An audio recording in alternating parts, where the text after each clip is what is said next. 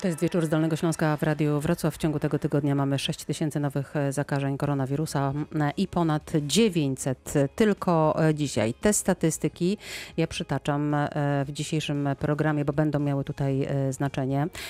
Te statystyki są niestety coraz gorsze. Dla Dolnego Śląska nie aż tak dramatyczne jak dla innych rejonów Polski. Dzisiaj będziemy rozmawiać, jak te statystyki, jak koronawirus wpłynie, czy wpłynie e, na rok szkolny, który no już e, za niewiele ponad e, tydzień. Ze mną w studiu Dolnośląski Kurator Oświaty Roman Kowalczyk. Dobry wieczór panu.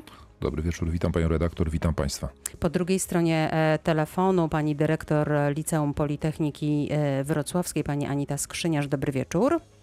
Dobry wieczór, witam wszystkich serdecznie. I Ania Nowocień-Rega, e, przedstawicielka rodziców jest z nami dzisiaj w studiu. Dobry wieczór Pani Aniu. Dobry wieczór. Ja te dane e, przytoczyłam specjalnie, bo one pokazują, że e, no, zachorowań w Polsce mamy coraz więcej, ale z drugiej strony myślę, że wszyscy zgodzimy się co do tego, że dzieci gdy dzieci uczyły się e, zdalnie, kiedy mieliśmy marzec, kwiecień, maj, no to e, wszyscy podnosiliśmy larum, że tak nie da się żyć i że w zasadzie tak nie może wyglądać szkoła. W tej chwili mam wrażenie, podnosi się larum, że tak nie może jak w tej chwili wyglądać szkoła, czyli że dzieci nie mogą iść e, na zajęcia w momencie, kiedy te szkoły nie wiadomo jak są przygotowane. I to jest pytanie na dzisiaj właśnie do Państwa. W jaki sposób szkoły są przygotowane do tego, żeby przyjąć uczniów? Czy w tych szkołach będzie bezpiecznie? Panie kuratorze, powstała taka lista 10 zasad e, dla szkół. Na tej liście są proste przekazania. Myj ręce, używaj płynu e, do e, dezynfekcji. Ja mam inne pytanie. Czy będzie mierzona w szkołach temperatura?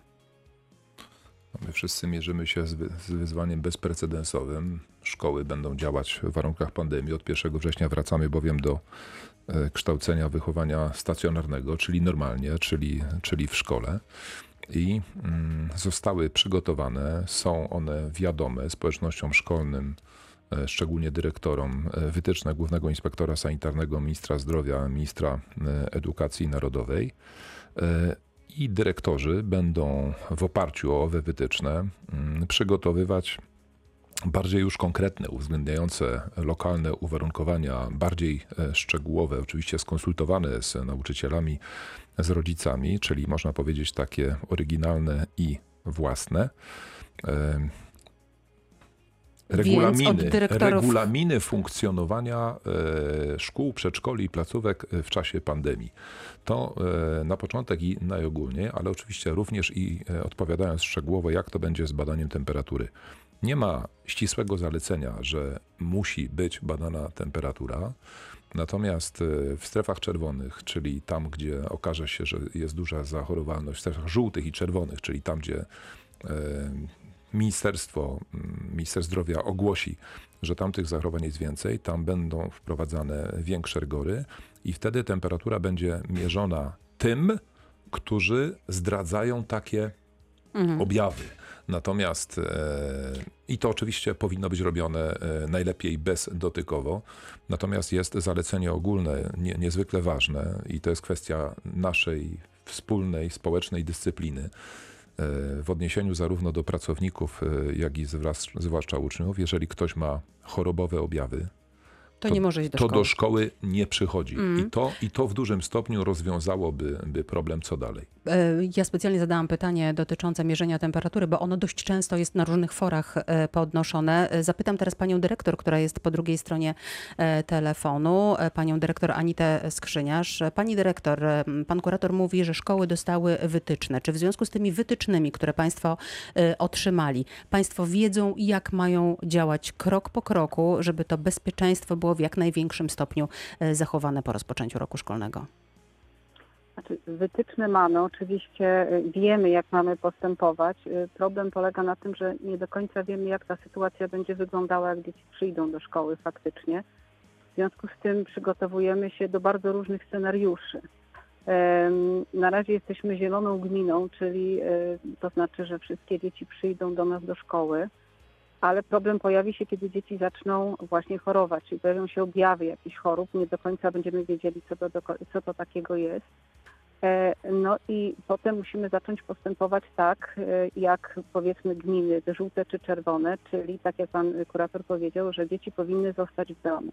Mamy takie zalecenia, żeby tym dzieciom e, zorganizować już nauczanie zdalne, tym, które muszą pozostać w domu, czyli właściwie automatycznie włączamy takie nauczanie mieszane. Dlatego, hybrydowe również hybrydowe, określone. Tak, mhm. tak, określane jako hybrydowe i właściwie wszyscy dyrektorzy, bo, bo, bo tak ze sobą rozmawiamy, um, bardziej interesują się już tym nauczaniem hybrydowym, bo mamy tą świadomość, że to jest takie nauczanie, które prawdopodobnie nas spotka w tym wrześniu, więc musimy się um, przygotować też na taką sytuację. Czyli Państwo startują, ale z tym przekonaniem, że, e, że w zasadzie przygotowujecie tak, się tak, do, tego, tak, e, do tego nauczania hybrydowego. Pan kurator tutaj chce o coś zapytać, ale ja jeszcze muszę mamie oddać e, głos. Anna Nowocień-Rega jest również z nami, bo ten głos rodziców jest tutaj niezwykle ważny. Rodzice posyłają swoje dzieci do, do szkoły bez względu na to, czy te dzieci chodzą do szkoły podstawowej, czy też chodzą do, do liceum. Pani Aniu, pani rozmawiała z, z rodzicami, zresztą ma pani również taki klub, w którym pani działa, klub mamuśki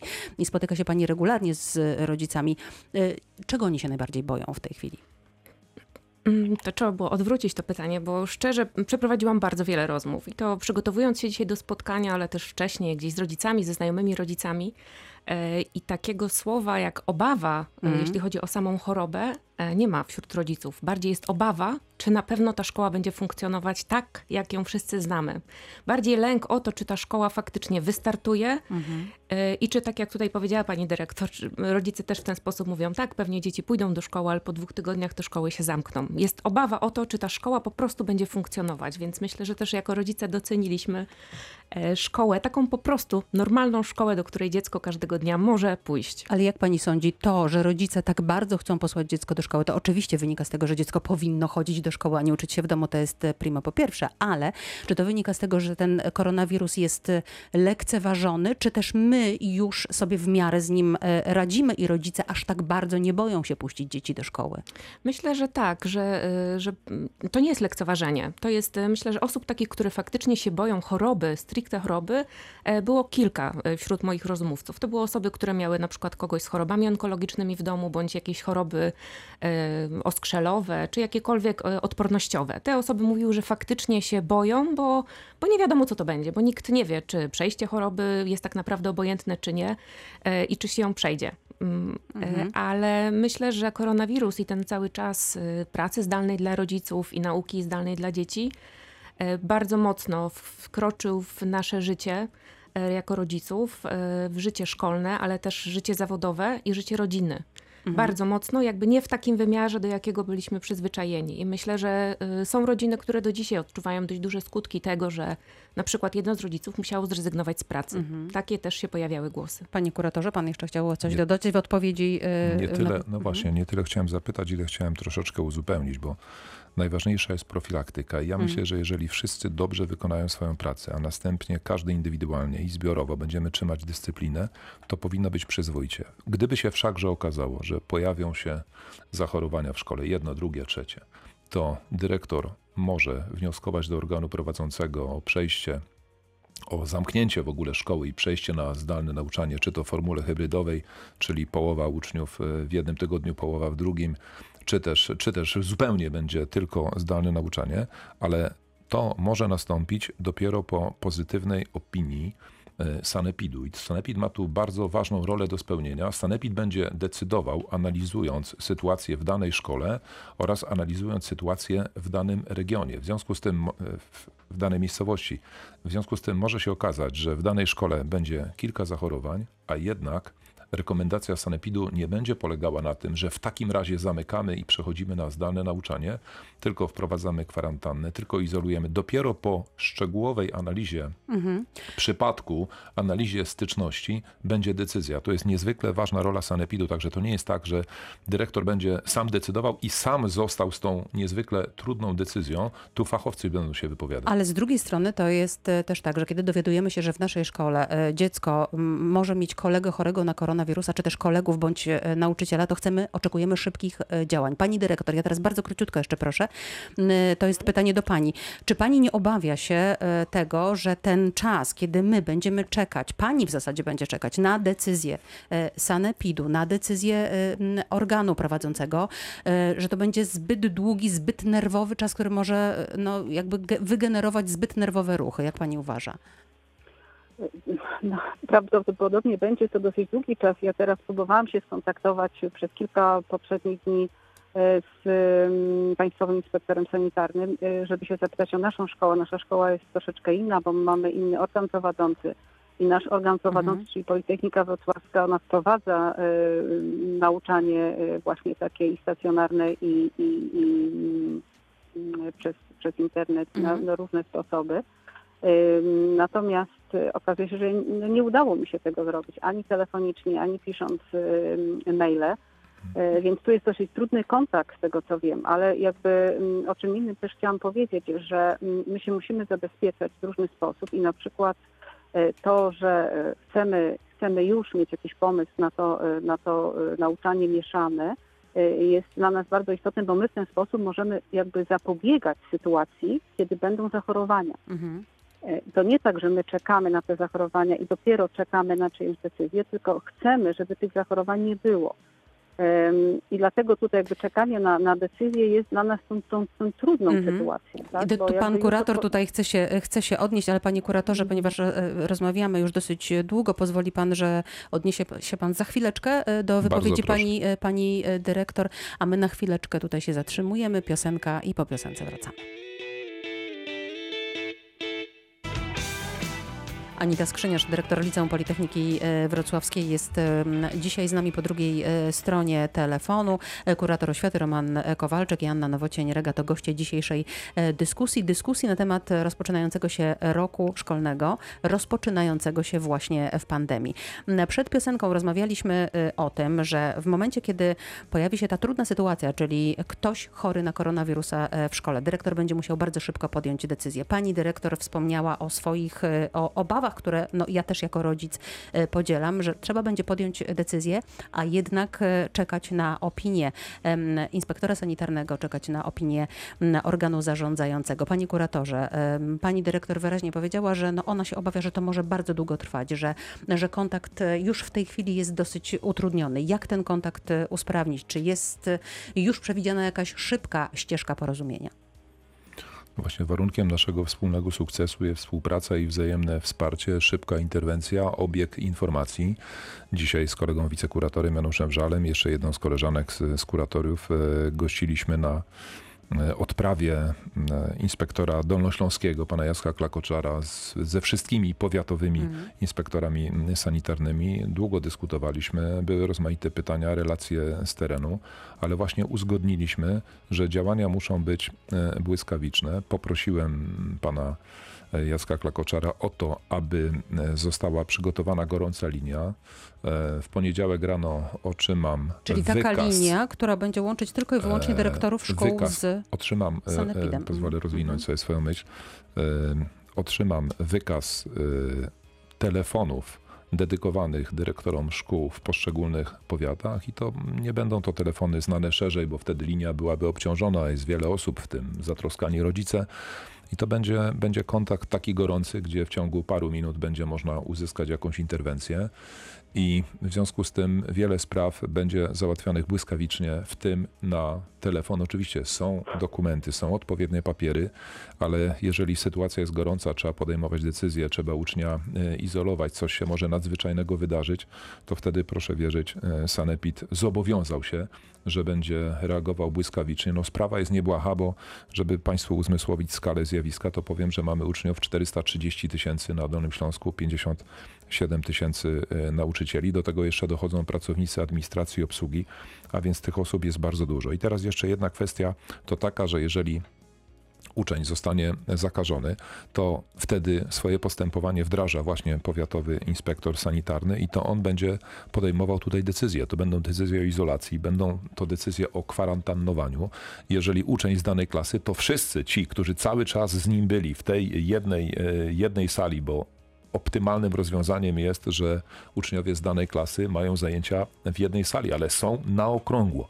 Jeżeli się okaże, że ten uczeń jest chory, to znaczy nie ma mocnych. Ci uczniowie nie mogą chodzić do szkoły, to znaczy, że będą nauczani zdalnie. Nauczani zdalnie. I to oznacza, mhm. że nauczanie zdalne może być wdrażane nie tylko dla całej szkoły, ale może być wdrażane na przykład dla jednej klasy. Ale o tym to już decyzję będzie podejmował e, powiatowy inspektor sanitarny. Pani Anna Nowocienie-Rega, pani chciała się odnieść? E, tak, bo tutaj cały czas mówimy o tym, że uczeń jest chory i tutaj mhm. jakby chodzi o, o, wirusa, tak? Chodzi o tego y, koronawirusa. A co... COVID-19. Mhm. Tak. Co, jak będzie wyglądała sytuacja? Bo to pytanie się pośród rodziców często pojawiało. No wrzesień myślę, że jeszcze jakoś przetrwamy, ale październik, listopad to jest Zaczną sezon... się szarugi, tak, słoty, Sezon kadary. grypowy, sezon przeziębieniowy i no myślę, że y, co drugie dziecko będzie kaszlało, Kichać, kichało, mhm chodziło z chusteczkami. I jak wtedy będzie wyglądała ta jak interwencja? Reagować? Bo mhm. to no, przypuszczać możemy, czy to jest zaziębienie, czy nie. Najczęściej lekarze w ten sposób diagnozowali jakieś tam przeziębienie, wirusówka, tak, jakby sezonowa. Jak tutaj będzie to wyglądało? Czy od razu będziemy tę klasę izolować, czy wtedy ich rodziców, czy jak, jak szeroko to będzie szło i, i kiedy? Pani dyrektor, to chyba jest najbardziej pytanie do pani. No, ja właśnie sobie cały czas próbuję wyobrazić, jak to będzie wyglądało. E, dlatego e, no, jesteśmy jednak zwolennikami, znaczy to ja wypowiadam swoje zdanie, ale, ale też e, przedyskutowane z władzami uczelni Politechniki Wrocławskiej, że, że najlepiej byłoby, zresztą jest to zgodne też z zaleceniami władz oświatowych, żeby tych uczniów jak najbardziej, jak mówiąc nieładnie, rozrzedzić, czyli żeby w jednym miejscu było najmniej uczniów, mało mniej uczniów niż normalnie. No i teraz y, rozwiązaniem na to byłyby właśnie już przygotowanie do tego nauczania i zdalnego, i stacjonarnego, y, bo konsekwencją zachorowania jednego ucznia jest nieobecność całej klasy, czyli y, no, będzie taka sytuacja i myślę, że będzie na pewno. Tego, tego my się wszyscy możemy się Pani dyrektor, tak? ale jak pani sobie wyobraża to rozrzedzenie? Przychodzi uczeń, e, czy też dwoje uczniów, troje uczniów do szkoły e, z katarem lekko pokasujących. E, nie no wiadomo, nie nikt ich nie diagnozował, nie wiadomo, co im dolega. Tak, tak, Odsyła ich pani do domu i mówi, proszę uczyć się zdalnie, czy też, nie wiem, decyduje pani, żeby rodzice podjęli tutaj jakąś decyzję? Dzwoni pani do sanepidu. Jaka tu jest decyzja? Bo nikt nie wie, co im dolega No dokładnie. Ja nie będę wiedzieć, co im dolega. Znaczy, y, mamy powiadomić rodziców, po, poinformować, że jeżeli widzą, że dziecko jest chore, to nie powinni tego dziecka y, przysyłać do szkoły, tak? bo, bo stanowi pewne zagrożenie. Nieważne pewnie będzie, czy to będzie przeziębienie, czy to będzie podejrzenie o coś bardziej poważnego. E, to najlepiej jakby dziecko zostało po prostu w domu. Wtedy mamy pewność, że to dziecko jakby nie zaraża, nawet jeśli to właśnie mówię, chodzi o, o jakieś przeziębienie. Panie e, kuratorze, Ale... poz, pozwólmy panu kuratorowi teraz się, odnieść. Mhm. No, słusznie pani dyrektor tutaj podnosi, że najle, najlepszym rozwiązaniem to jest profilaktyka i stąd te gorące apele do rodziców, że jeżeli widzą, że są jakieś objawy chorobowe, a to nijak nie idzie rozeznać, czy to jest grypa, czy to jest, czy to jest koronawirus, to lepiej do szkoły nie przysyłać, skontaktować się z POZ-em, E, na początku e, online, uzyskać jakąś poradę, a później lekarz będzie dalej ordynował e, co trzeba. Natomiast jeżeli tak się okaże, że mm, widzimy, że mimo tych próśb no, przyszło dziecko, które zdradza jawne objawy chorobowe, to w każdej szkole powinno być izolatorium ma być wyznaczony nauczyciel, oczywiście w maseczce tam zabezpieczony, wszystko i tak dalej. Uczeń ten musi się dla niego znaleźć, jeżeli nie posiada, musi być dla niego maseczka i w tym pomieszczeniu czeka do chwili, kiedy przybędą rodzice i wtedy rodzice komunikują się z tym lekarzem POZ-u i wchodzimy już na tą dalszą, dalszą ścieżkę. Jeszcze raz powtórzę, jest to kwestia naszej wspólnej odpowiedzialności, bo jeżeli e, będą przysyłane dzieci, które są chore albo, albo, albo prawie chore i będzie to masowe, to będzie niezwykle trudne do opanowania e, przez szkołę. Myślę, że co do tego nie mamy tutaj wątpliwości, oby, że wszyscy jako rodzice, przypadki. dyrektorzy i, y, i kuratorium oświaty jesteśmy odpowiedzialni e, za to, żeby e, no, tych ognisk zachorowań e, było jak najmniej. Anna Nowocień-Rega, jeszcze tutaj widziałam, że pani tak nie do końca przekonywało. No, to, nie przekonana to, mhm. jestem, czy jedno izolatorium wystarczy. Mhm, mhm, Bo jak obserwuję czy szkołę, czy, czy przedszkole, no to niestety w sezonie, to patrząc połowa grupy, to najczęściej jest z czymś. I te dzieci chodzą. Rodzice, ja tutaj muszę strzelam teraz w rodziców, y, będąc rodzicem, ale no wiemy o przypadkach dzieci, które są faszerowane y, Jasne, środkami i, przeciwgorączkowymi. przykład, tak, tak, i, i gdzieś tam prowadzane szatni, do szkół czy przedszkoli. Tak, w szatni, bo 2-3 mhm. godziny przetrwa i, i jakoś rodzic sobie y, będzie mógł mhm. do pracy pójść. Więc tutaj mam wątpliwość, czy na pewno jakby ta organizacja wystarczy, czy, mhm. bo patrząc na takie przedszkole na przykład, w którym jest moje dziecko i tam jest 300 dzieci, Myślę, że takie jedno izolatorium i jeden nauczyciel, który będzie się dzieckiem opiekował, to za mało. Ja jeszcze chciałam Oczywiście, zapytać panią dyrektor, było więcej, to pewnie będzie trzeba zwiększyć tą obsadę, ale, ale rzecz cała na tym polega, żeby właśnie gorąco poprosić rodziców, e, przekonać ich, bo to jest w naszym wspólnym interesie, że nie ma co ukrywać e, choroby swojego dziecka, bo sobie można napytać biedy i wszystkim dookoła w masowej skali, więc to jest rola też dyrektora i myślę mhm. też może i Rady Rodziców, którą tak, tu tak. pani reprezentuje, żeby wzajem rodzice przyjęli, przejmujemy zadanie. Jeżeli dziecko zdradza objawy chorobowe, nie posyłamy do szkoły. Wtedy zwyciężymy. To jest wersja tak, idealna, tak, panie kuratorze, o której pan mówi. Jasne, ale, że tak. Ale trzeba do niej dążyć. Mhm. E, jeszcze mam pytanie do, do pani dyrektor. Czy takie rzeczy, jak wspomniane tutaj, izolatorium, maseczki, płyny dezynfekujące, wy to wszystko e, macie? Nie cierpicie na e, deficyty tego rodzaju? To znaczy tak, ma, mam izolatorium. Jeśli chodzi o maseczki i płyny dezynfekujące, też oczywiście to mamy. Nawet jest taki nie wiem, program ministerialny teraz, y, że mogliśmy zamówić jeszcze dodatkowo y, maseczki i, i płyny. Także to wszystko jest. E, problem tylko będzie prawdopodobnie polegał na jakiejś dyscyplinie uczniów, żeby oni z tego korzystali, prawda? Bo jeśli, jeśli chodzi o płyny, to jeszcze widzę, że młodzież, bo mamy no, młodzież, tak, prawie dorosłych ludzi, mhm. to widzę, że to, to, to, to, to było widać podczas matur, że młodzież często korzystała z tych płynów. Problem maseczek, to jest myślę też nasz problem, problem społeczeństwa. Wielu osób po prostu nie nosi tych maseczek w miejscach, gdzie powinno je nosić. Ja chciałabym jeszcze zwrócić na jeden problem uwagę, mianowicie nauczycieli, którzy się obawiają tej sytuacji, bo mam takich nauczycieli, na przykład po jakichś przebytych chorobach, e, innych zupełnie, tak, nie związanych z koronawirusem, albo osoby starsze, które mówią mi wręcz przed nowym rokiem szkolnym, że e, obawiają się przyjścia do pracy. No i, i, i rozważają tutaj też różne sytuacje i boję się, że w którymś momencie... Obawia się Pani, że nie będzie Pani miała kadry? Znaczy kadrę będę miała, ale y, boję się, że w którymś momencie może kogoś nam zabraknąć w tej kadrze i to chyba nie jesteś jedyną szkołą, która będzie miała takie problemy. Dobrze, tutaj na chwilę się e, zatrzymajmy. E, teraz wyemitujemy piosenkę w Radiu Wrocław do dyskusji na temat tego, no właśnie, jak rozpocznie się, jak będzie wyglądał początek roku szkolnego w pandemii. Wracamy za kilka minut.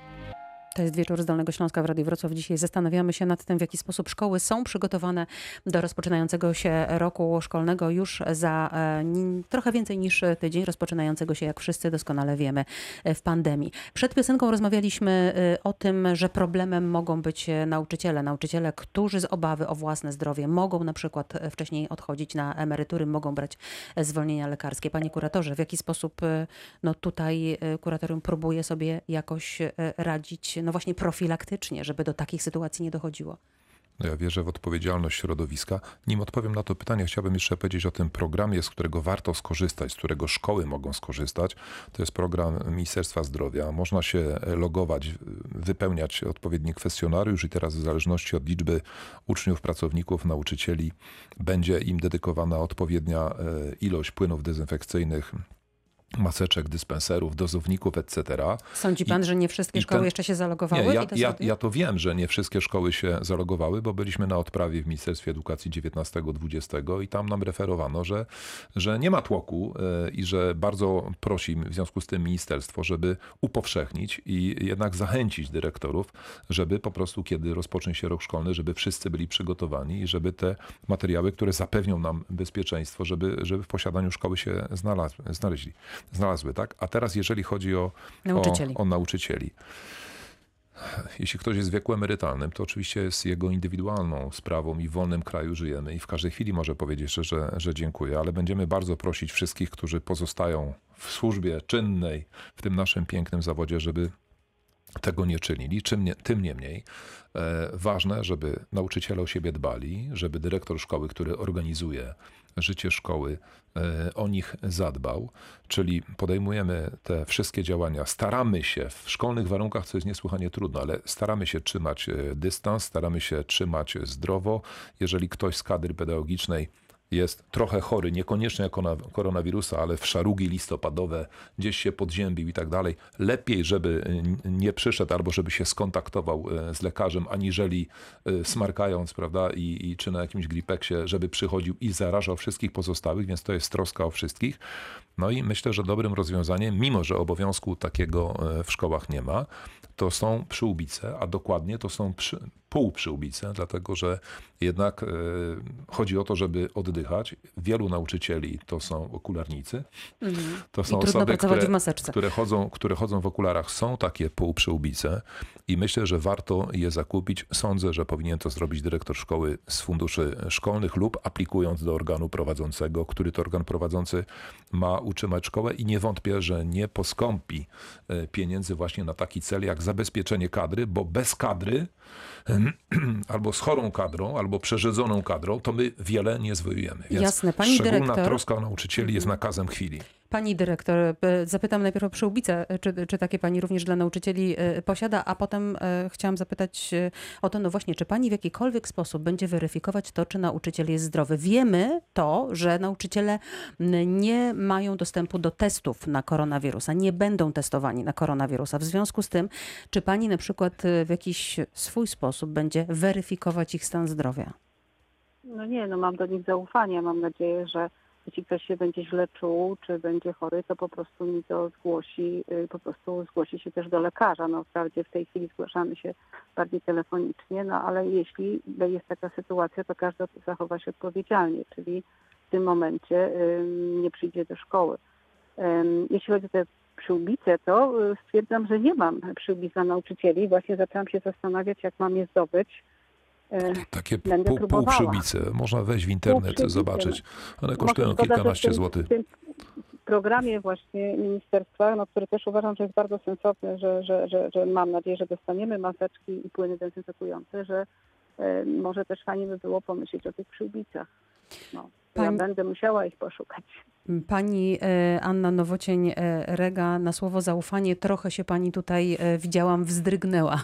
Znaczy, no to jak do człowieka, tak? Ja mm. myślę, że tutaj no dużo, każdy z nas dużo sytuacji widział odpowiedzialności społecznej i właśnie to, co mówiliśmy wcześniej o przeprowadzaniu chorych dzieci czy chorych nauczycielach, którzy przychodzą, którzy też się boją o swoje stanowiska, o, o to, czy ktoś krzywo na nich po ludzku nie popatrzy, że ta pani jest wiecznie na zwolnieniu, tak? Myślę, że to są też takie sytuacje i i to zaufanie i ta odpowiedzialność mhm. jest y, naprawdę słowo klucz y, na zbliżającą się jesień. Z drugiej strony w kwestii zaufania ja słyszałam ostatnio y, wypowiedź jednego z dyrektorów, przepraszam, z epidemiologów, który powiedział, że mm, kiedy no jeszcze koronawirus nie rozprzestrzenił się tak bardzo w kopalniach, to także mówiono, że trzeba ufać swoim pracownikom, że oni przecież wiedzą w jakich warunkach pracują. Natomiast ten sam epidemiolog porównał pracę w szkole do, do do pracy y, na szychcie, że to są regularne spotkania w tych samych godzinach, y, w dosyć, y, w tych samych grupach ludzi i te ogniska zarażeń są w kopalniach, jak wiemy, dosyć duże. Czy taka sytuacja wydarzy się w szkole? Oczywiście oby nie. Pytanie, czy zaufanie tylko wystarczy, panie kuratorze? Może potrzebne są surowe przepisy, które będą, jakieś procedury, które jednak będą weryfikować stan zdrowia nauczycieli, stan zdrowia dzieci. No, są takie zalecenia, mam je tu przed sobą, dla dyrektorów publicznych, niepublicznych szkół, placówek w strefie czerwonej i żółtej. No tam już mamy e, badanie, badanie temperatury. Odpowiedzialność jest ważna, ona zapewne, zapewne nie wystarczy, ale odważę się powiedzieć, że jednak jest pewna różnica między, między szkołą a szychtą. E, w szkole trudno o dystans, ale warto się postarać, żeby e, ta mobilność była możliwie, możliwie niewielka, żeby tych interakcji było możliwie mniej.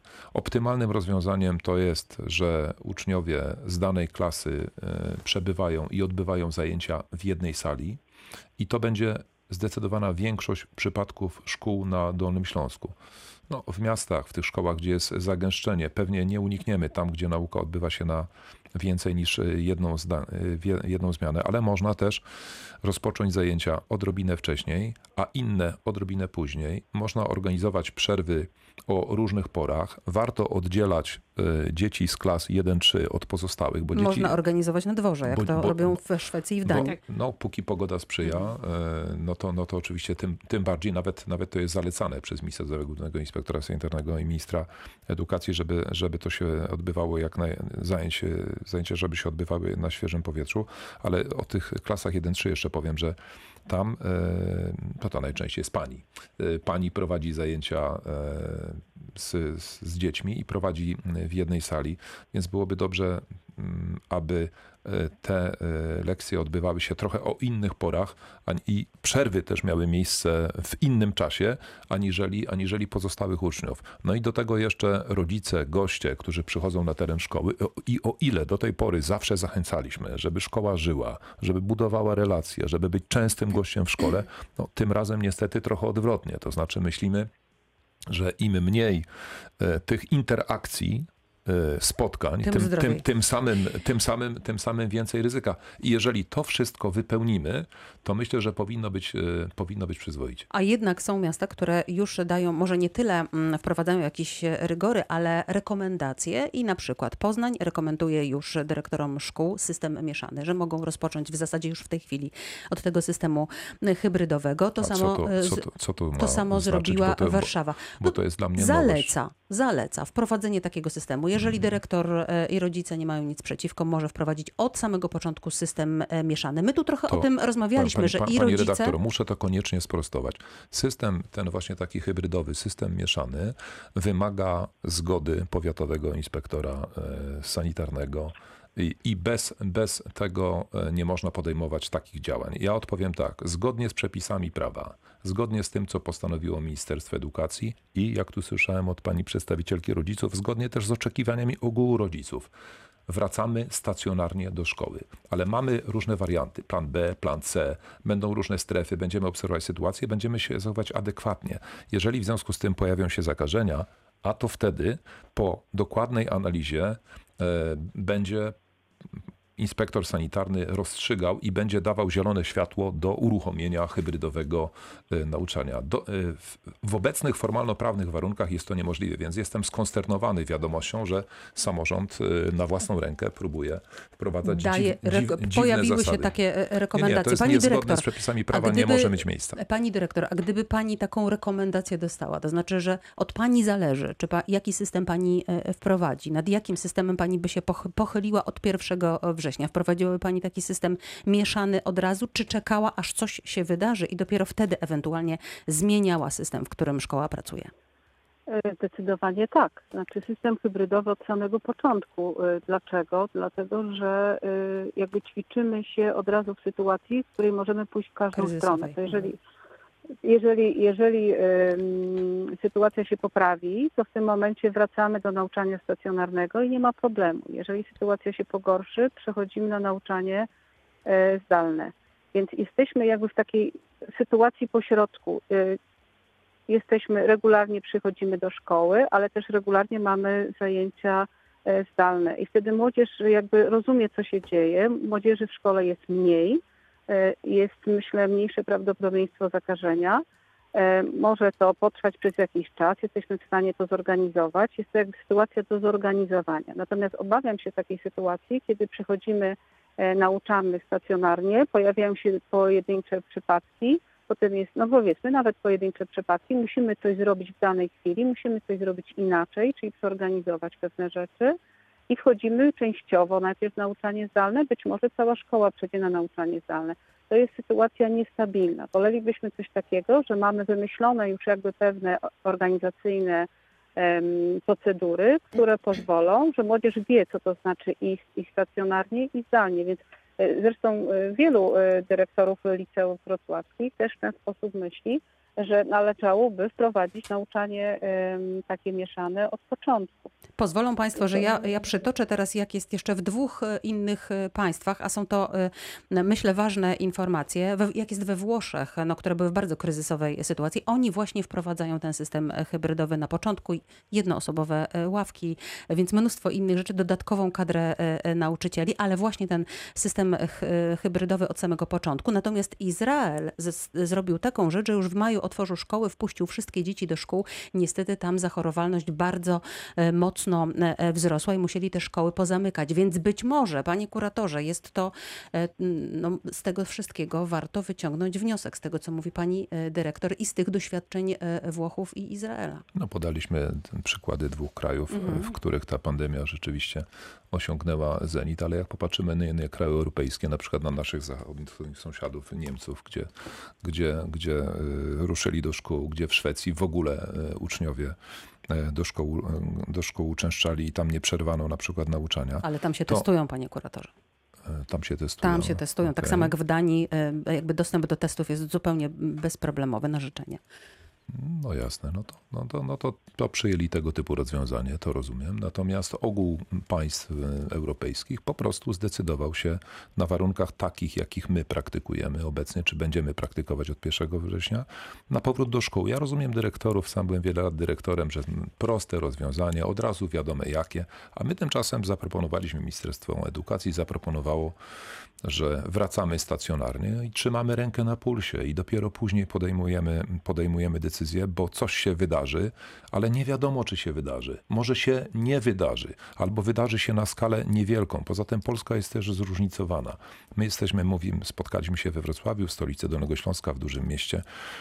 E, są województwa, gdzie zachorowań jest dużo, ale są też takie, gdzie zachorowanie jest bardzo niewiele. Stąd ja jestem zwolennikiem tego rozwiązania, które zaproponował e, minister edukacji, bo to pozwala e, również uwzględnić pewną lokalną specyfikę, gdzie tych zachorowań, tak się spodziewamy, bo ich do tej pory jest tyle, co kot napłakał, po prostu nie będzie. A więc potrzebne są takie rozwiązania, które umożliwią normalne funkcjonowanie tam. Ponieważ czas nam powoli się kończy, to pozwolą Państwo, e, że na chwilę e, tytułem podsumowania Pani Anna Nowocień-Rega.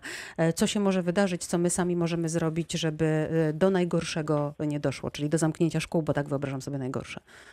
Mm, no myślę, że to, co się przewijało dzisiaj przez całą tą rozmowę, czyli ta odpowiedzialność, o którą zawsze apelujemy, a tym razem apelujemy jeszcze bardziej, czyli, czyli właśnie każdy z rodziców pilnuje y, siebie, pilnuje dziecka, nie tylko w szkole, ale też poza nią i we wszystkich miejscach y, publicznych, gdzie, gdzie możemy sobie zaszkodzić mocno. E, myślę, że to jest odpowiedzialność po prostu. Pani Anita Skrzyniarz, dyrektor Politechniki, y, Liceum Politechniki, przepraszam, wrocławskiej, tytułem podsumowania. Jeszcze dwa zdania, proszę. E, ja tylko powiem, że nazywamy się Akademickie Liceum Ogólnokształcące Politechniki Wrocławskiej. Myślę, że tutaj Dziękuję. Powinna być taka pełna informacja, co się dzieje, jeśli są jakieś, jest jakaś informacja o chorobie, to też trzeba ją przekazać, czyli przekazujemy sobie informacje i też bierzemy wszystkie informacje na poważnie, czyli wszelkie procedury, które są w szkole i dla rodziców, dla uczniów, dla nauczycieli powinny być znane, powinny być e, przestrzegane. Po prostu musi być i szczerość, odpowiedzialność, ale też informacje z każdej strony. Panie kuratorze, podsumowanie. Ja, podpisuję się pod tymi wypowiedziami, że wszyscy, zwłaszcza osoby, które odpowiadają za edukację i pełnią funkcje kierownicze, kształcą, wychowują. Dzisiaj będą zdawać egzamin nie tylko ze zdolności organizacyjnych, e, ale przede wszystkim z odpowiedzialności. Jeżeli wszyscy uczestnicy szkolnych wspólnot zachowają się odpowiedzialnie i każdy dobrze wykona swoją pracę, to będzie bardzo dobrze. A druga sprawa to jest opływ e, informacji i tu szczególnie zachęcam bo dyrektorzy otrzymają dyspozycję, żeby e, na bieżąco informować rodziców, ale to jest też zachęta do wszystkich zainteresowanych, e, żeby sięgać po informacje, szczególnie do źródeł, które są pewne. To znaczy, zapraszam na stronę Ministerstwa Edukacji Narodowej, na naszą stronę kuratoryjną i chciałbym zadeklarować, że będziemy wspierać dyrektorów, nauczycieli, rodziców, że będziemy rozsyłać informacje, że będziemy służyć radą, pomocą, będziemy trzymać rękę na pulsie, kooperować z sanepidem po to, żeby dzieci mogły uczęszczać do szkół stacjonarnie, ale bezpiecznie. Powiedział dolnośląski kurator oświaty Roman Kowalczyk. Bardzo dziś, dziękuję za dzisiejszą wizytę w studiu. Z nami była e, w studiu również Anna Nowocień-Rega, także bardzo pięknie dziękuję. dziękuję. A po drugiej stronie telefonu Anita Skrzyniarz, dyrektor Akademickiego Liceum Politechniki Wrocławskiej. Pięknie dziękuję. Również dziękuję. Bardzo dziękuję. Dziękujemy. Życzę wszystkim zdrowia. Również. Dużo, dużo zdrowia dla naszych dzieci, także od 1 września. Oby było wszystko dobrze. Katarzyna Górna-Drzewosz, dobrej nocy.